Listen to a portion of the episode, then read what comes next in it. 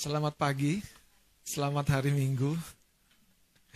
Apa kabarnya? Puji Tuhan. Saudara, mari kita akan lihat dari Yohanes pasal yang ke-11 ayat yang ke-33 sampai 40.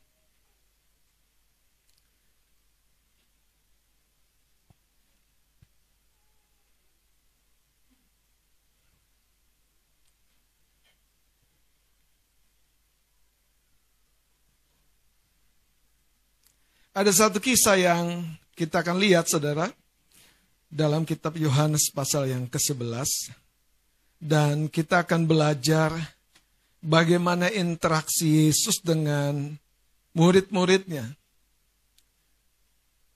Dan kalau kita menyimak dengan baik, saya percaya saudara di dalam interaksi Yesus dengan murid-muridnya ini, kita akan belajar satu prinsip hidup sebagai orang percaya yang menurut saya ya jauh lebih penting daripada banyak hal yang lain yaitu bagaimana kita menjadi seorang yang menyimak, memperhatikan firman. Karena sering kali pada perjalanan hidup kita yang hari ini kita jalani, Sebetulnya Tuhan itu sudah berbicara.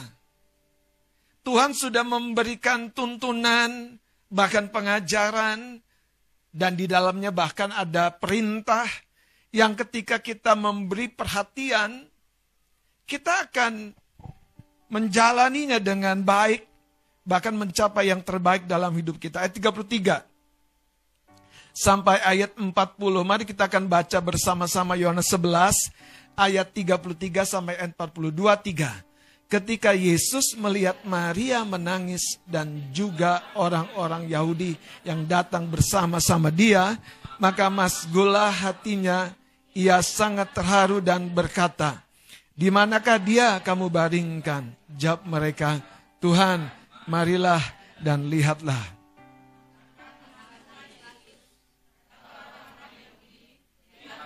Betapa kasihnya kepadanya. Tetapi beberapa orang di antaranya berkata, ia yang memelekan mata orang buta,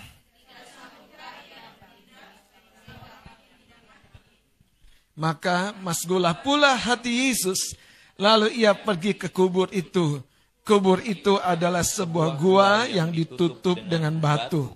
Kata Yesus, angkat batu itu. Mata saudara orang yang meninggal itu berkata kepadanya, Tuhan, ia sudah berbau sebab sudah empat hari ia mati. Jawab Yesus, bukankah sudah kukatakan kepadamu, jikalau engkau percaya, engkau akan melihat kemuliaan Allah. Pada ayat yang ke-40, ketika Yesus merespon perkataan Marta, di ayat yang ke-39 itu. Marta berkata, Tuhan, ia sudah berbau. Sebab sudah empat hari ia mati. Ayat 40, Yesus tidak menyanggah fakta yang disampaikan Marta. Banyak orang hidupnya hanya didasarkan kepada fakta bahwa dia bermasalah, bahwa dia tidak seperti yang lain. Dia mengalami tahun-tahun sepertinya tidak mencapai sesuatu yang baik. Itu bisa menjadi fakta siapa saja. Tapi coba renungkan pagi hari ini. Ke mana hati dan pikiranmu engkau tujukan? Apakah hanya sebatas kepada fakta? Atau kepada perkataan Tuhan buat hidupmu secara pribadi. Atau engkau segera terlena dengan situasi yang selalu berubah ini. Makanya Yesus berkata jangan sandarkan imanmu, pengharapanmu kepada sesuatu yang tidak kekal. Apalagi kepada harta kekayaan. Ayat 39 dan 40 saya akan baca sekali lagi. Kata Yesus, angkat batu itu. Marta, saudara orang yang meninggal itu, yang mendampingi Lazarus sekian hari dalam sakit beratnya. Marta, saudara orang yang meninggal itu, yang melihat bagaimana Lazarus makin merosot kesehatannya. Dan akhirnya meninggal. Jadi, kalau kita melihat sikon ini, kalau kita memperhatikan hidup kita, dan Tuhan justru berbicara, bertolak belakang dengan situasi hidup kita, bagaimana responmu? Bagaimana responmu? Dan responmu, saudara, adalah hatimu. Responmu adalah apa yang terkumpul di dalam batinmu. Responmu bisa merupakan iman kepercayaanmu atau justru sebaliknya. Sebuah ayat akan rencana Tuhan. Yang sebetul tertutup akan membuka karena respon kita. Atau sebaliknya pintu yang sudah terbuka malah jadi tertutup. Coba lihat ayat 39 dan 40. Saya berdoa kita diberikan satu hikmat untuk mencerna. Karena saudara makanan yang kita telan saja di mulut dan jatuh ke perut. Kalau kita tidak cerna, tidak menyatu dengan tubuh kan? Betul kan? Karena itu kalau dengar firman sekali, Anda merasa belum cukup, aku dengar lagi. Aku buka lagi, aku dengerin lagi. Itu caranya. Bahkan kalau Anda baca kitab ulangan, Tuhan menasihatkan melalui Musa di perjalanan, di pembaringan, sementara kau duduk-duduk santai, ceritakan firman. Supaya apa? Anak-anakmu hidupnya merefer, memakai referensi firman, itu menjadi tolok ukur pikirannya. Gitu. Sayangnya saudara, kita sering kali memakai atau merefer Tolak ukur perjalanan kita di depan kepada apa? Kegagalan masa lalu. Coba kalau Anda bersahabat dan tiba-tiba Anda kelas dengan sahabat Anda. Tiba-tiba dia bilang, eh aku mau datang nih. Ke kota mau aku mau jumpa. Apa yang muncul? Kelas itu kan? Itulah manusia. Makanya Tuhan harus merubah. Dan itu tanggung jawab kita yang paling besar, bukan dia waktu Kain tidak suka dengan adiknya karena persembahan adiknya yang diterima. Tuhan bilang kan, dosa sudah mengintip. Tapi yang bertanggung jawab menanggulangi dosa bukan Tuhan. Tapi Kain. Katakan, aku yang bertanggung jawab. Bukan kamu, kasih tahu kalian kiri, bukan kamu. bukan kamu. Bukan kamu. Terus kasih tahu dulu bukan Pak Pendeta.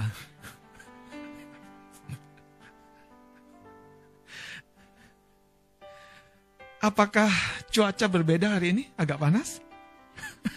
Di dalam atau di luar? Di luar ya. Puji Tuhan, haleluya.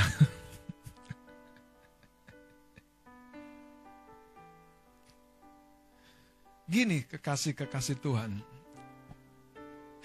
Kita lihat ayat ini ya, supaya Anda nangkep betul-betul.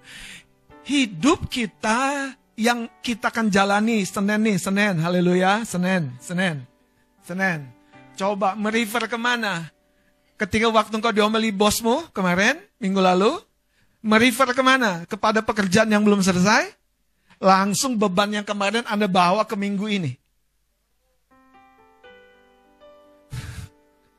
Makanya pikiran dan perasaan kita, gini saudara, jalani minggu depan nih, minggu depan. Tapi rasa yang di belakang yang negatif tuh kelepaskan gitu. Jangan nyanyi, kataku hari ini harinya Tuhan. Ku bersuka sebab dia girangkanku di gereja saja. Hari Senin ke kantor, ah abang gak tahu aja. Tanggung jawabku ini bang, melebihi. Melebihi yang seharusnya. Iya kan? Ke kantor kerja, ke rumah kerja lagi. Tanggung jawab gak ada habis-habisnya. Siapa bilang tanggung jawab gak ada habis-habisnya? Anda yang selesaikan dong. Sebagian besar orang ya yang bilang tanggung jawabnya nggak ada habis-habisnya itu sebagian besar. Maaf ya kalau bukan ya. Itu karena mereka menundanya. Menundanya. Menundanya. Makanya yang dipercaya lima, segera bekerja dan menghasilkan lima. Yang dikasih dua, segera bekerja menghasilkan dua. Yang satu ngapain? lihat-lihat YouTube, lihat scroll Instagram. Ya kan, oh ya buka TikTok. Udah jam 23 lewat 55, masih buka TikTok. Apa yang mau dia renungkan ketika engkau tidur?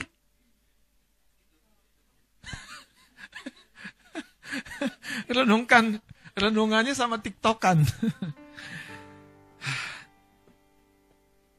Saudara, mari lihat. Yesus aja masgul itu dua kali ya. Lihat ayat 33. Ketika Yesus melihat Mar Maria menangis dan juga orang-orang Yahudi yang datang bersama-sama dia. Maka masgul hatinya ia sangat terharu. Ia sangat terharu. Yesus itu care saudara dengan masalahmu dan masalahku. Masalahnya Anda punya telinga terarah kepada dia atau tidak? Telingamu tuh ke mana-mana seringnya keperkatan orang. Ini nggak repot, saudara. Anda biarkan perkataan orang tuh lebih dominan. Padahal itu udah ngomong. Percaya saja. Kamu akan melihat kemuliaan Allah. Tapi di dalam muncul. Bagaimana mungkin?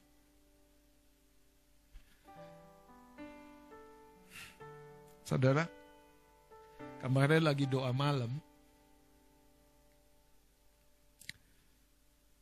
Saya percaya ada satu lawatan Tuhan yang baru. Roh Tuhan mau bekerja di tengah-tengah kita. Saya mengalami sesuatu yang aneh. Biasanya saya menyampaikan pesan Tuhan, nubuatan itu dalam mata tertutup. Tapi justru aneh ketika saya membuka mata, saya melihat beberapa orang, itu perkataan muncul di sini. Perkataan muncul. Ada beberapa yang sudah saya sampaikan, ada beberapa yang belum. Saya bertanya sama Tuhan, Tuhan, ini apa? Ini pikiranku sendiri atau sesuatu? Saya uji, saudara. Saya sampai mulai menyadari Tuhan mau bekerja dengan cara-cara yang baru untuk mempercepat prosesnya tergenapi dalam hidup kita.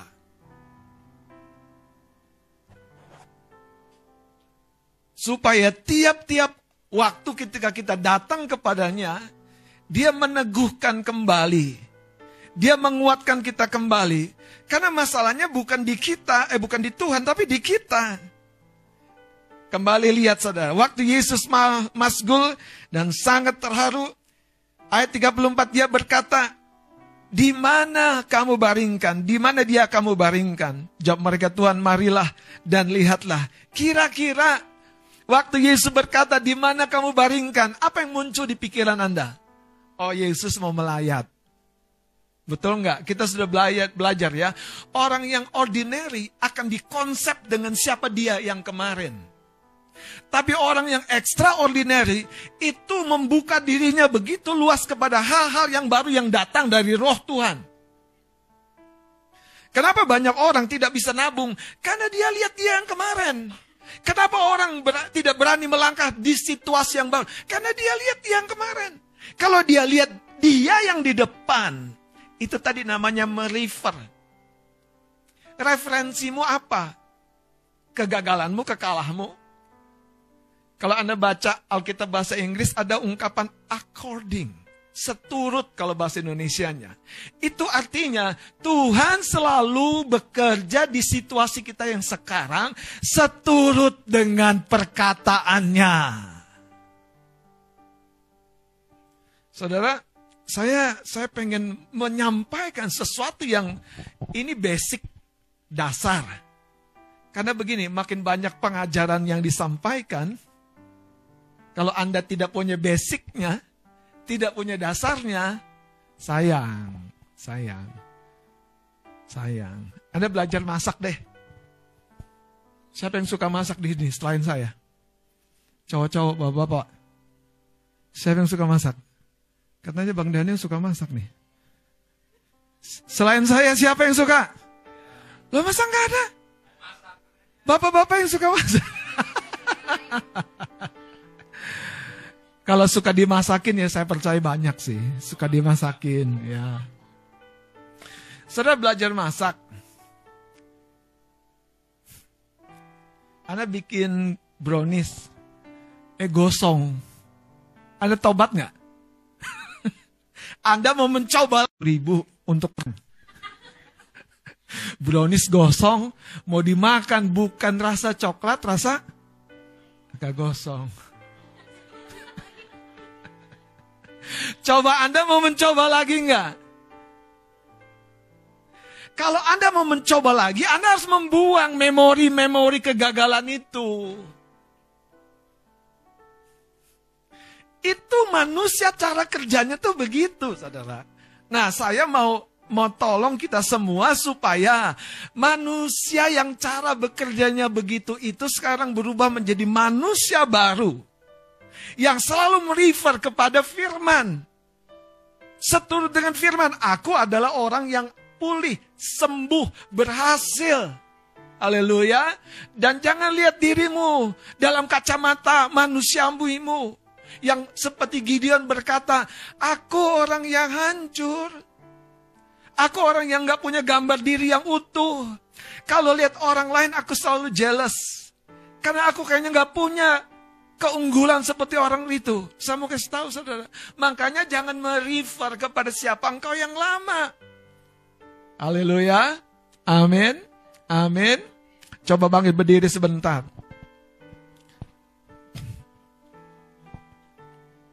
Ingat dulu baju apa yang kemarin minggu Anda pakai. Dalam hitungan kelima harus sudah bisa jawab.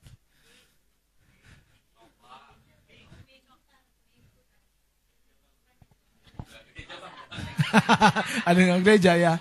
Puji Tuhan. Ingat? Oke. Okay. Oke, okay, ingat dulu makanan apa yang hari Sabtu kemarin ada makan? Oke. Okay. Mantap. Yang ketiga nih, yang ketiga. Coba, coba perhatikan baik-baik nih, perhatikan baik-baik kata-kata saya. Ingat dulu makanan apa yang Anda akan makan besok. Gini saudara, itulah manusia rohani. Sebetulnya di, di imajinasi kita itulah kata-kata ingat. Anda harus bisa membayangkan, mengimajinasikan itu yang akan mengarahkan langkah kita. Nah, luar biasanya Tuhan ingin berkata begini, "Bukankah telah aku perkatakan kepadamu?" Silakan duduk, puji Tuhan. Makan apa kita pulang? Coba lihat ayat yang ke-35. Maka menangislah Yesus.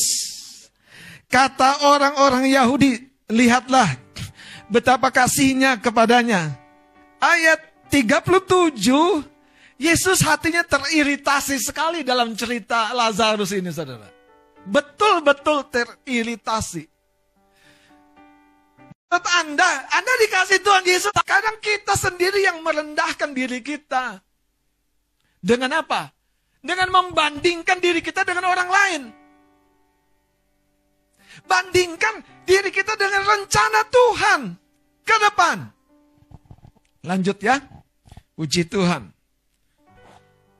Tetapi beberapa orang di antaranya berkata, ia yang memelekkan mata orang buta, tidak sanggupkah ia bertindak sehingga orang ini tidak mati?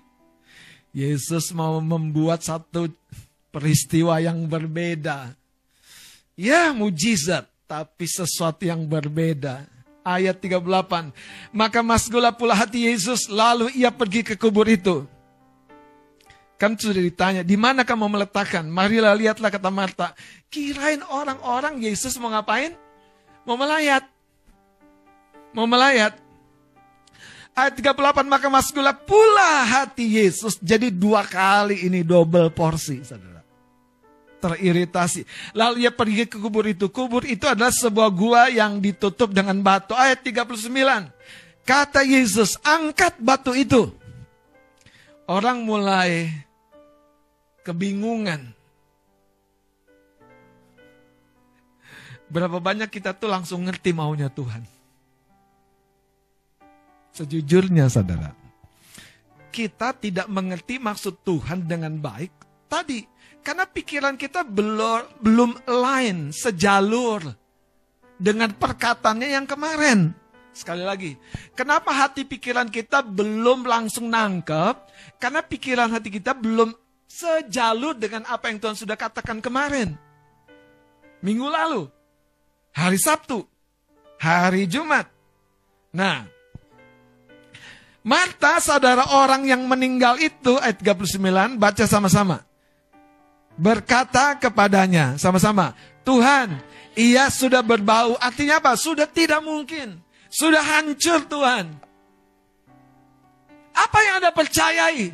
Fakta, fakta, fakta. Sekian kali kita lihat orang meninggal, mana mungkin empat hari tidak busuk. Atau Anda percaya kepada seseorang, satu pribadi yang saat ini menyertai kita sekarang dan ke depan. Lanjut kita baca, Tuhan ia sudah berbau sebab sudah empat hari ia mati.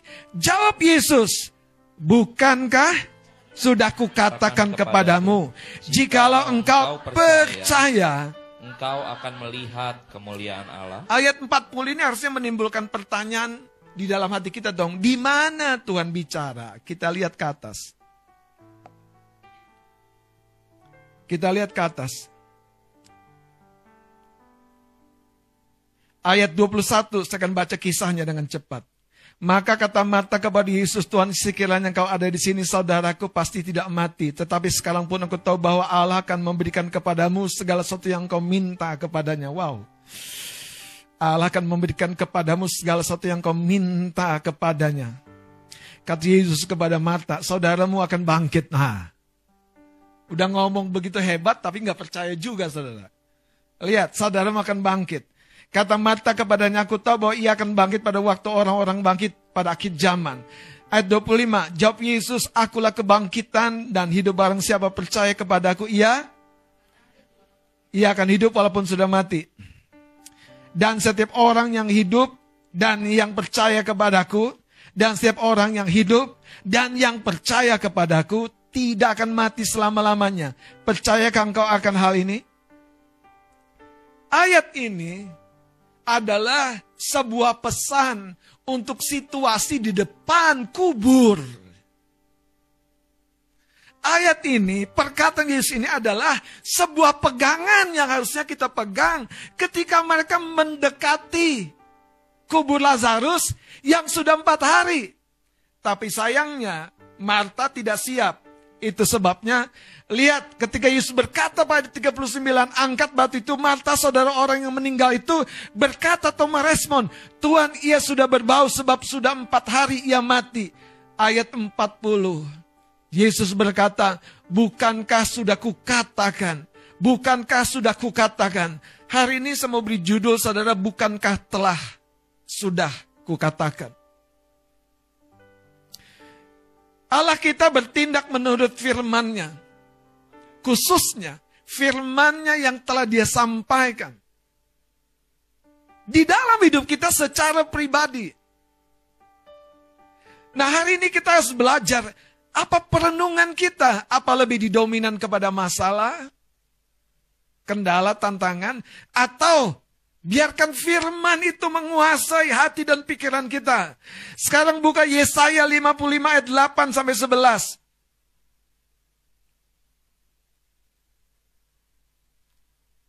Yesaya 55 ayat 8 sampai 11 tolong Bang Adit baca. Iya. Yesaya 55 ayat 8, 8 sampai dengan 11 firman yeah. Tuhan. Sebab rancanganku bukanlah rancanganmu. Sebab pemikiranku bukan pemikiranmu. Rancangan itu belum jadi. Rancangan itu konsep. Rancangan itu sesuatu yang diniatkan. Dan Tuhan berkata dengan terus terang, apa yang kau niatkan, apa yang kau pikirkan, yang berdasarkan fakta itu, bukan aku. Lanjut. Dan jalanmu bukanlah jalanku, demikian. Proses yang engkau pikirkan, itu bukan proses yang aku pikirkan. Engkau berpikir susah, engkau berpikir tidak mungkin, itu bukan dari aku. Haleluya. Masalahnya, apakah kita merefer kepada pengalaman pahit, kegagalan, atau merefer kepada perkataan Tuhan yang sudah dikatakan? Lanjut. Seperti tingginya langit dari bumi, demikianlah tingginya jalanku Sangat-sangat kontras, sangat-sangat berbeda. Lanjut. Dan rancanganku dari rancanganmu. Ya. Sebab seperti hujan dan salju turun dari langit dan tidak kembali ke tidak situ, kembali ke langit lagi, melainkan mengairi bumi, melainkan memberi sebuah dampak yang pasti air untuk membasahi dan memberikan penghidupan terus membuatnya subur ya dan menumbuhkan tumbuh-tumbuhan memberikan benih kepada penabur dan roti kepada orang yang mau makan. Lihat ayat sebelasnya. Demikianlah firmanku yang keluar dari mulutku. Berbahagialah orang-orang yang menantikan firman yang keluar dari mulut Tuhan. Itulah rema. Itulah pesan yang diinspirasikan dan didorong oleh roh kudus perkataan firman yang kondisional tentang hidup kita. Makanya ketika Tuhan bilang begini, kamu jangan keluar ke mana-mana, kamu jangan ke Mesir. Dia ngomong sama Ishak. Ishak taat, Ishak taat. Setelah itu prosesnya terjadi. Saudara saya datangi seseorang, saya berkata begini. Tuhan bilang tubuhmu butuh kekuatan. Itu sebuah permulaan yang nanti kalau kita ngerti dan nangkep perkataan itu, itu istilah saya saudara, ada sebuah perjalanan di depan. Yang oleh tubuh kita yang sudah dipulihkan, kita akan sampai di tujuan. Tapi kalau perkataan tubuhmu membutuhkan kekuatan dan kita, eh, apa maksudnya? Saya jamin saudara, itu firman hilang tenggelam dalam kesibukan kita. Lanjut ayat ini berkata, Bang Adit. Ayat 11. ia tidak akan kembali kepadaku dengan sia-sia. Tidak akan kembali kepadaku dengan sia-sia. Terus? Tetapi ia akan melaksanakan apa yang ku kehendaki. Wow. Jadi firman Tuhan punya bobot kepastian.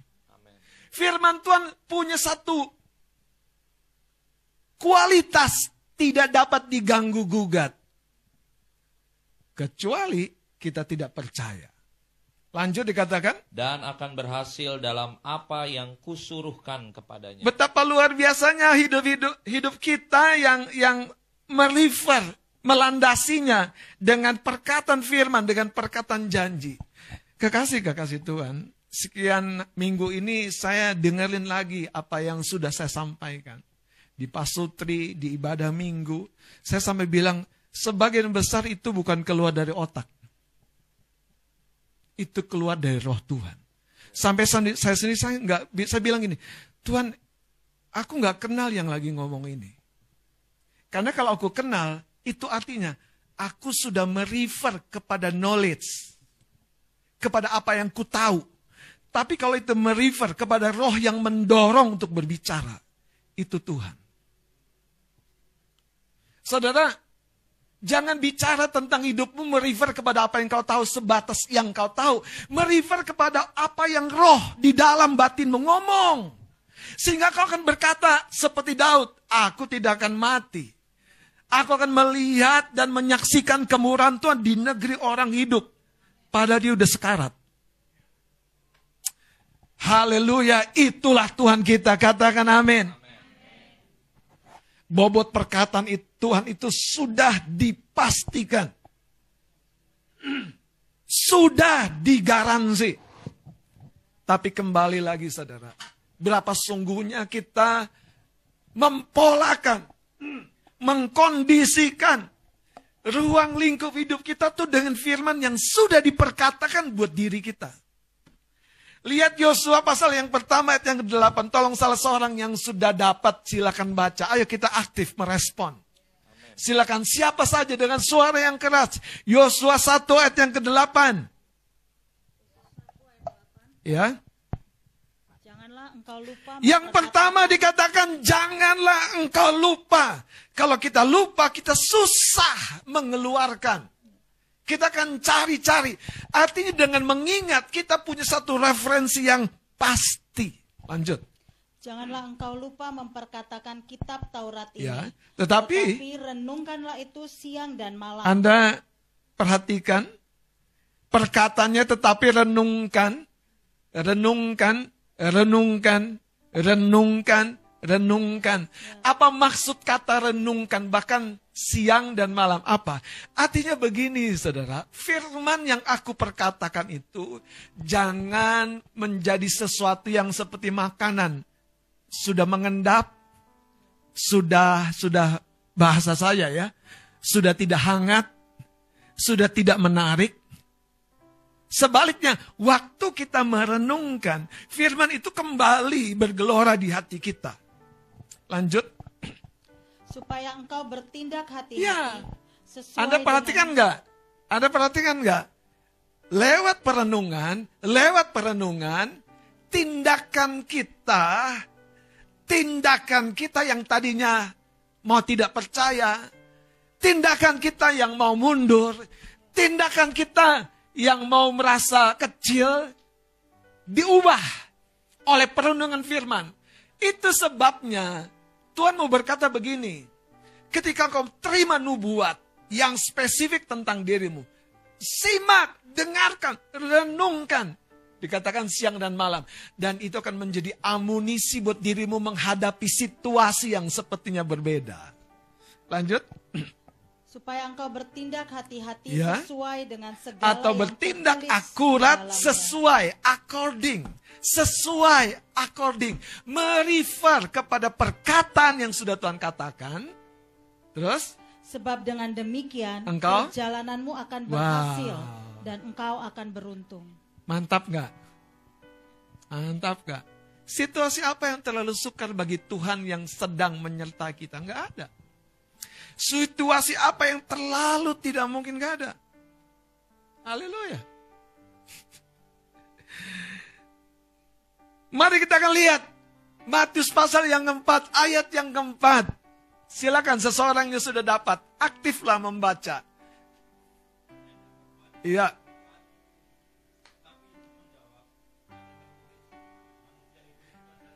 Perhatikan, Yesus merefer kepada perjanjian baru atau perjanjian lama? Perjanjian lama. Yesus mengutip sebuah perkataan di perjanjian lama. Untuk apa? Membungkam setan. Dengan apa kita membungkam setan? Dengan kepercayaan dirimu? No. Dengan apa kita membungkam sakit penyakit? Dengan kepedean kita? berolahraga. Dengan apa saudara? Kembali kepada firman. Dengan apa kita membungkam setan yang melemahkan masa depan kita? Kembali kepada firman. Lanjutkan om. Iya, kepada firman yang keluar dari mulut Allah. Sekali lagi saudara, ketika Yesus berkata untuk batu kubur gua itu diangkat, itu keluar akibat, akibat, akibat. Saya berdoa kita jadi orang yang bisa membuat Tuhan kita yang sebetulnya selalu ingin menuntun kita dengan firman-Nya berbicara atas situasi kita. Makanya landasannya jadilah orang yang mengasihi Tuhan. Haleluya. Terus dikatakan apa? Sud- oh, sudah, sudah selesai. Sudah selesai. Makasih ya. Sekarang buka 2 Petrus pasal yang pertama ayat 21. Silakan yang sudah dapat.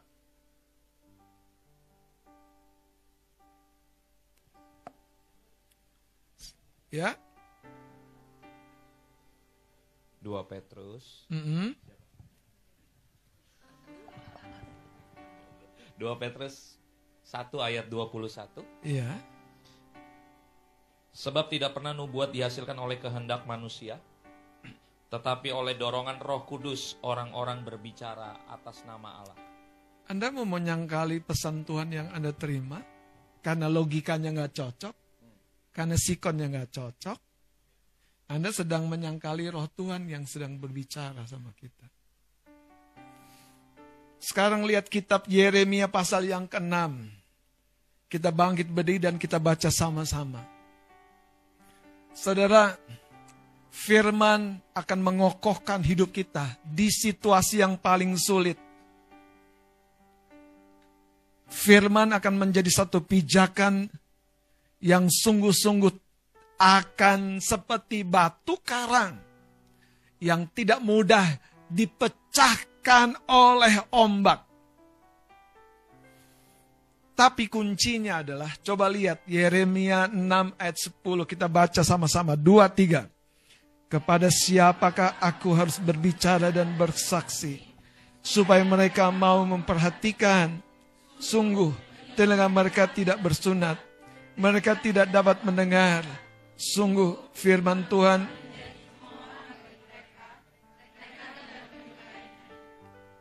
Saudara, inilah keluh kesah Nabi.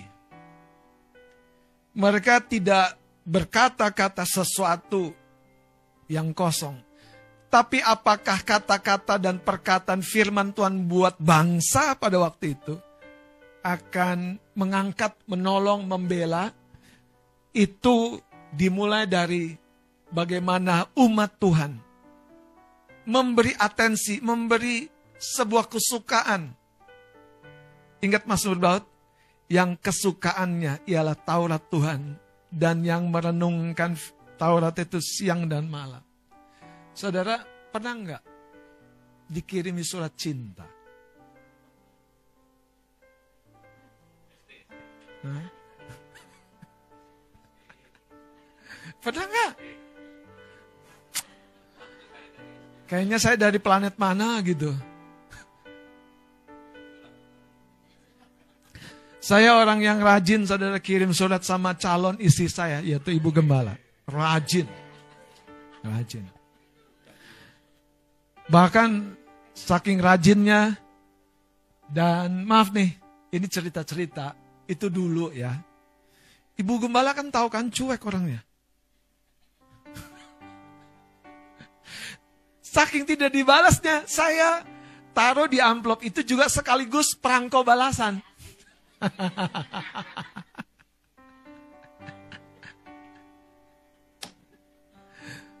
Saudara, saya tulis berlembar-lembar.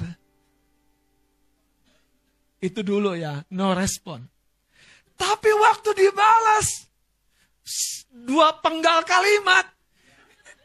Itu kayaknya, aduh ini emas banget ini. Kusimpan. Teman-teman yang mengikuti saya dari lama, Anda tahu, saya suka menulis. Saya suka menyimak kalimat. Dan waktu, makanya kalau Anda terhubung dengan Ibu Gembala, lebih baik telepon. WA lama dibalas, telepon aja. Jangan harus dibalas panjang, Anda harus mengerti kan maksudnya kan. Waktu dibalas itu, saudara, tahu nggak? Saya waktu itu lagi selesai kecelakaan sepeda motor patah kaki. Itu kayaknya penghiburan banget loh. Penghiburan banget saudara. Padahal yang datang itu bukan orangnya. Dan itu juga akibat apa? Ya coba-cobalah titip perangko balasan di amplop surat itu. Saya mau kasih tahu saudara. Tuhan itu sebetulnya pribadi yang selalu Kapan ya saya bilang, kita harus bisa jadi pribadi yang mewadahi hati Tuhan. Dia punya banyak hal mau, mau, mau curhat, mau cerita. Nah, kok jangan menyerah di sini. Satu dua langkah di depan, kau akan lihat keajaiban. Kalau saja kita mau mewadahi hati Tuhan, Anda akan amazed. Luka yang paling dalam pun terlalu mudah bagi Tuhan. Anda pernah dikecewakan, tapi buat Tuhan, mana ada yang terlalu suka dan terlalu rumit. Kita harus belajar punya hati yang mewadahi hati Tuhan. Yang kesukaannya Taurat Tuhan dan yang merenungkan Taurat itu siang malam. Saya mau tutup dengan sebuah cerita bagaimana Maria duduk dekat kaki Tuhan dan terus mendengarkan perkataannya. Itulah yang membuat saudara Yesus takjub saya bukan bicara jangan nggak usah kerja. Saya bukan bicara nggak usah lakukan apa-apa. Saya mau bicara di mana hati kita. Di mana prioritas hati kita. Waktu hidup kita merefer kepada apa yang sudah Tuhan perkatakan. Saya mau kasih tahu. Tidak ada badai gelombang yang tidak taat kepada perkataan Yesus. Makanya waktu Yesus berkata kepada angin, danau, diam dan tenanglah. Diam dan tenanglah Mari kita kembali kepada dia. Biarkan firmannya terus menguatkan kita. Amin. Kita akan sebuah pujian lingkupiku.